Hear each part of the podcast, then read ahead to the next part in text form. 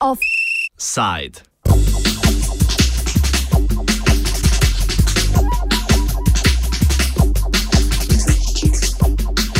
Napovedana oživitev topilnice v Idriji, nova priložnost.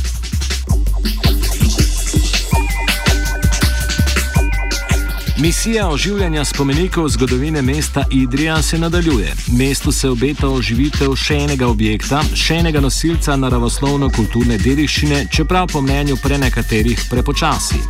Mesto, sicer med drugim znano po 500-letni rudarski tradiciji ter številnih naravnih in kulturnih znamenitostih, bo v prihodnem letu obiskovalcem ponudilo še ogled bivše rudniške topilnice. Topilnica je za predelavo živosrebrne rude, torej za pridelavo živega srebra, uporabljal rudnik. Topilnico lahko imenujemo tudi žgalnica, saj so v njej živosrebrno rudo žgali pri visokih temperaturah, pri čemer so se iz taleče se kamnine izločali hlapi živega srebra, ki so jih na to kondenzirali oziroma nazaj utekočinili.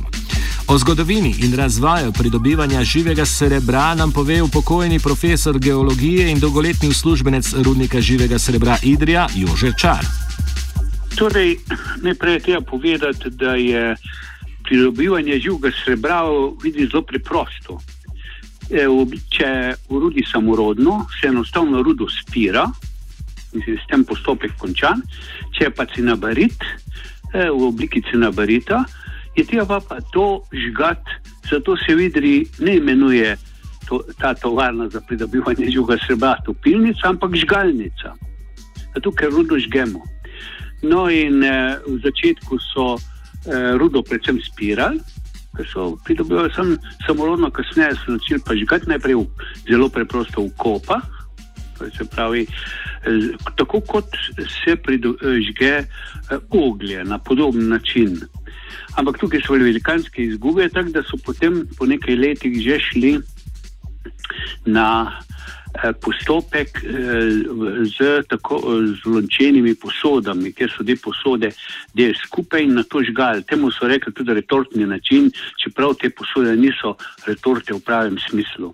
No in ker je bilo pa za ta postopek potrebno ogromno lesa, so potem eh, pa zelo malo, seveda, eh, eh, ti nabaritne rude, ki so bile zelo bogate v začetku. Zato so raje nosili rudo v okoliške gozdove in so potem žgal po, eh, po teh posekah, ker je bilo les čisto blizu, to se pravi, drvo so pa ogromno porabili. No in takoj so potem žgal po idrskih gozdovih tudi, tudi do 10-15 km v oddaljenosti od Idrije tja do leta 1650, pravzaprav do 1550. Isti postopek pridobivanja živega srebra so po letu 1550 prestavili oziroma pričeli izvajati v samem mestu na stacionarnih žgalnicah. S pripovedjo nadaljujejo že čar. In začelo se je na veliko plavljenje lesa. Tako so potem počasno stale te klauže, ki so pomagale ploviti les do Idrije, ker se je bila poraba zelo velika, hkrati pa tudi cest ni bilo, ker je precej zahteven teren. Ne. No, in to, to je potem eh, trajalo tja do skoraj stolet. Tam okoli 750 let, mislim, da je skoraj točno takrat, so pa upeljali tako imenovane ludelne peči, španske peči.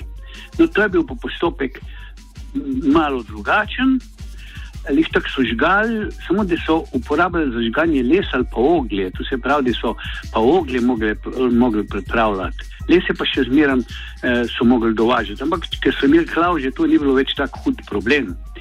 Eh, bistvo teh je pa bil, da so pri prejšnjem eh, eh, postopkih imeli velikanske izgube živega srebra. Je ogromno, ker se namreč pri teh postopkih se živo srebro upari in ga potem moš kondenzirati. Pri teh aludelnih pečeh je pa hkrati s pečjo povezano, so bile povezane tudi že eh, sistem za hlajenje in tako so potem m, mm, bistveno več živega sebra pridobili iz iste količine rude. To se pravi, to zbir racionalno je bilo. Halogelne peči so veljale za izredno uspešne in so jih uporabljali dolgo časa. Po tem obdobju se je zvrstilo kar nekaj novih peči, bodi si domačih konstruktorjev ali pa so bile plot tujega znanja. Okoli leta 1880 pa je prišlo do popolnega novega sistema pridobivanja živega srebra. O takratnem vrhunskem dosežku idrijskega znanja, katerega obnovitev je tudi pogoj za vključenost rudarske dediščine v UNESCO, razloži Jože Čar. Sta pa dva idrijska inženirja, Špirek in Čermak, postavila no, popolnoma nov sistem, tako imenovan Čermak Špirekove peči, ki je, bil, ki je pa vrhunski dosežek. Prvič je bilo to zelo mali izgub, torej malo živega seba se je izgubilo v obliki par, hkrati pa je bilo tudi po, po postopku in povsem izjemna, izjemna peč, tako da je to zagotovo uh, še danes velja za, za svetovni dosežek žganja živega srebra. Špirek črmakove peči. No, eh, te špirek črmakove peči so delali vsa leta, potem še po, po drugi svetovni vojni. Mislim, da 61 leta so po, pri, eh, postavili prvo rotacijsko peč, potem pa um, postopamo še dve, in to so bile največje peči rotacijske za živo, zažganje živo srebrne rude na svetu. No, in eh, ko se je začelo potem rudnik zapirati po 77 letu, so uh, te dve rotacijske peči demontirali, ena je pa ostala. No, in zdaj, ko, ko, ko se je prijavilo rudnik za.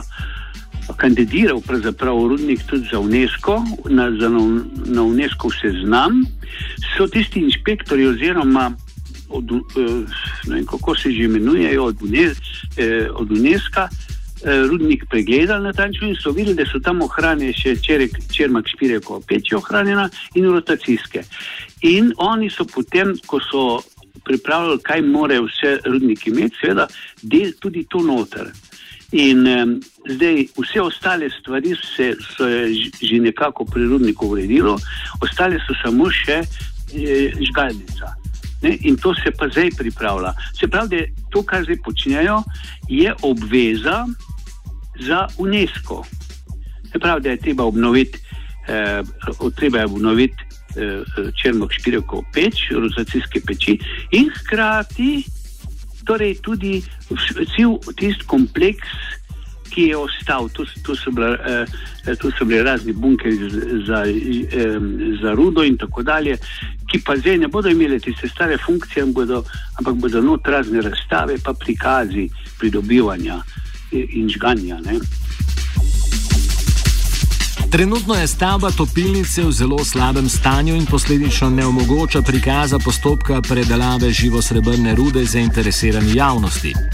Z namenom oživitve in obnove območja topilnice se je Centr za upravljanje z dediščino živega srebra, ki je pooblastila za upravljanje topilnice dobil od rudnika živega srebra Idrija, podjetje v likvidaciji, v minulem letu skupaj s partnerjem, mestnim muzejem Idrija in norveškim Magma Geoparkom prijavil na razpis tako imenovanega norveškega finančnega mehanizma. Več o razpisu, preko katerega bodo za izvedbo projekta oživitve in obnove topilnice na, na centru dobili 2 milijona sredstev, Tatjana Dizdarevič, direktorica Centra za upravljanje dediščine živega srebra.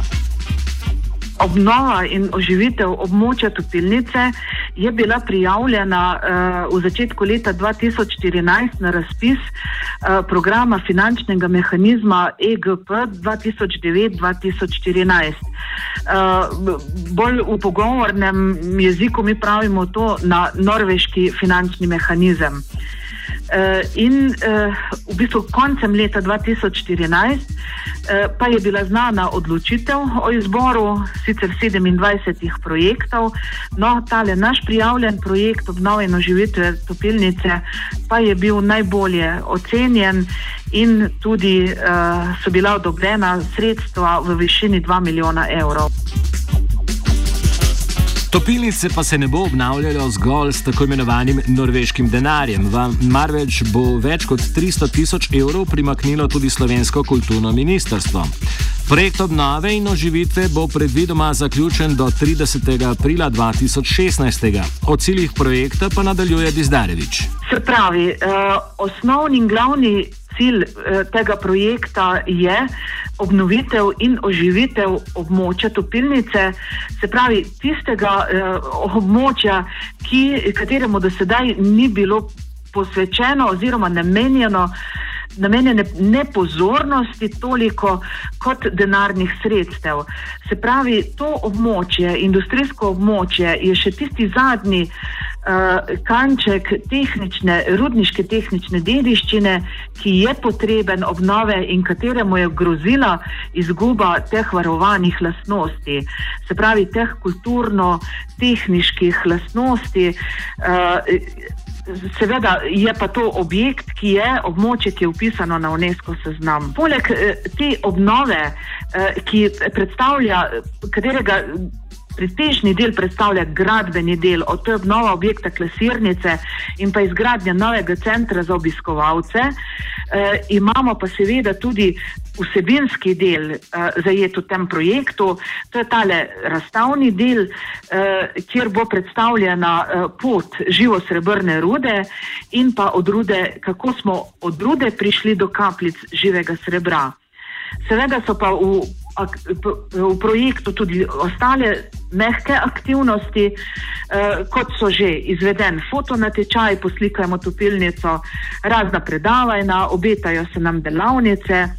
V okviru dneva Evropske kulturne dediščine in letošnjega leta Eh, industrijske, evropske industrijske tehnične dediščine, so tudi začasne razstave predvidene, izobraževalni programi za šole in tako naprej. Eh, vsekakor je pa pomemben tukaj tudi nov, nov produkt oziroma poskušali bomo produkt eh, zgodbe iz topilnice vključiti v turistične programe občine Idrija.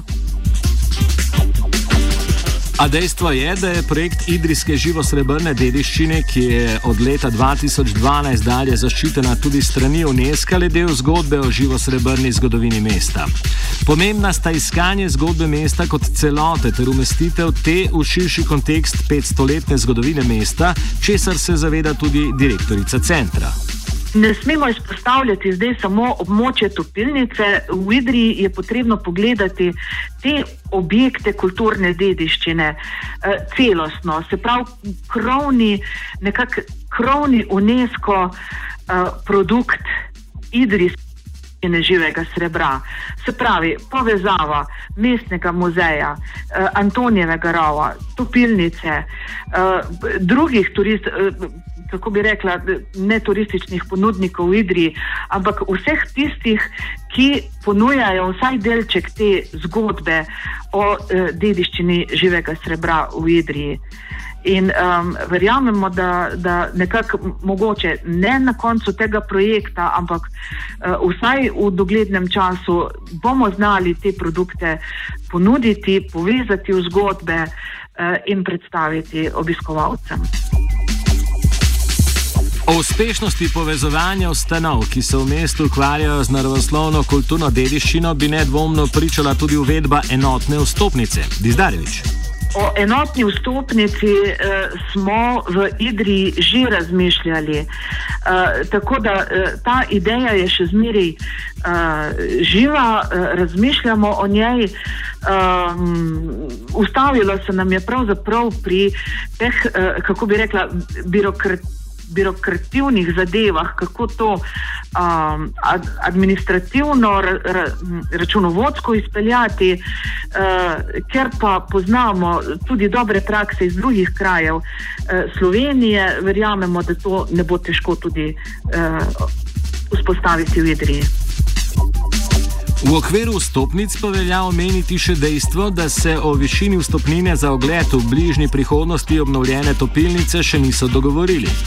Obstaja pa želja po trženju vsebin, ki jih bo topilnica ponujala, sploh glede na pričakovano povečanje števila obiskovalcev.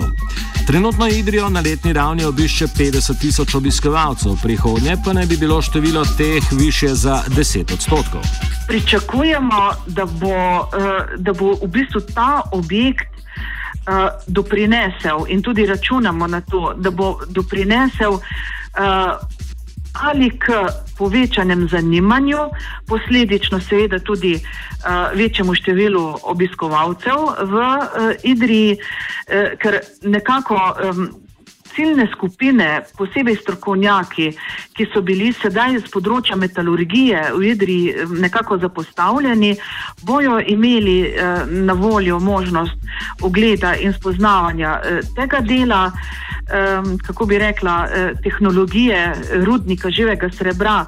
Se pravi, pridobivanje živega srebra, da zgodba iz Antonijevega rova, od, uh, se pravi, kako pridemo do, do rude, kako pridobimo mineralno surovino, zaključimo zgodbo v topilnici, kako od te rude pridemo do živega srebra. A eskalacija turističnih dejavnosti v mestu, ki mu priložnosti in možnosti zagotovo ne manjka, po besedah idrijskega župana Bojana Severja, ni samoumevna. Ja, uh, zdaj, ko o tem, o tem turizmu govorimo, vsi mislimo, da se bo turizmu zgodil čez noč. E, ampak ključno uh, pri vseh projektih je ključen človek. Zdaj, občina je sicer s tem UNESCO, z geoparkom, z alpskim mestom leta ustvarjala neke priložnosti, neke nove, nove produkte, ki bi jih pač mogel dejansko ali privatni sektor ali ne vem, kdo izkoristiti. Tega v veliki meri še nismo, čeprav jaz imam občutek, da se nam v obdobju zdaj turizem malo povečuje. Je pa res, da imamo veliko več tega uh, turizma, ali so familije, ali so neke osebe, ki jih zanima ta tehnična dediščina, ene, ki jih zanima narava. Imamo pa še problem s tem, kako turoperaterje prepričati, da je Idrija nek produkt, ki se splače tudi trsto pomin. Ti turoperaterji imajo pa dostop do svetovnega trga turističnega. In če bomo enkrat te navezave dobro vzpostavili, bomo tudi lažje, lažje prišli do gostov. Je pa nekaj res, ne? da mi imamo zdaj enodnevne goste, radi bi imeli, pa da bi vsaj kajšno nočeto več, dve nočetve, tri nočetve. Zato bo pa potrebno zgraditi tudi uh, te zmogljivosti prenočitvene, kar bo pa predvsem prepuščeno privat sektorju. Kaj bo torej obdobje naslednjih dveh, desetih ali pa petnajstih let prineslo Idriji, niti ne moremo, niti na vse zadnje nimamo želje napovedovati. A dejstvo je, da dediščina Idrije predstavlja zavidljivo platformo, katere aduti kar sami kličejo po še učinkovitejši izkoriščenosti v prihodnje.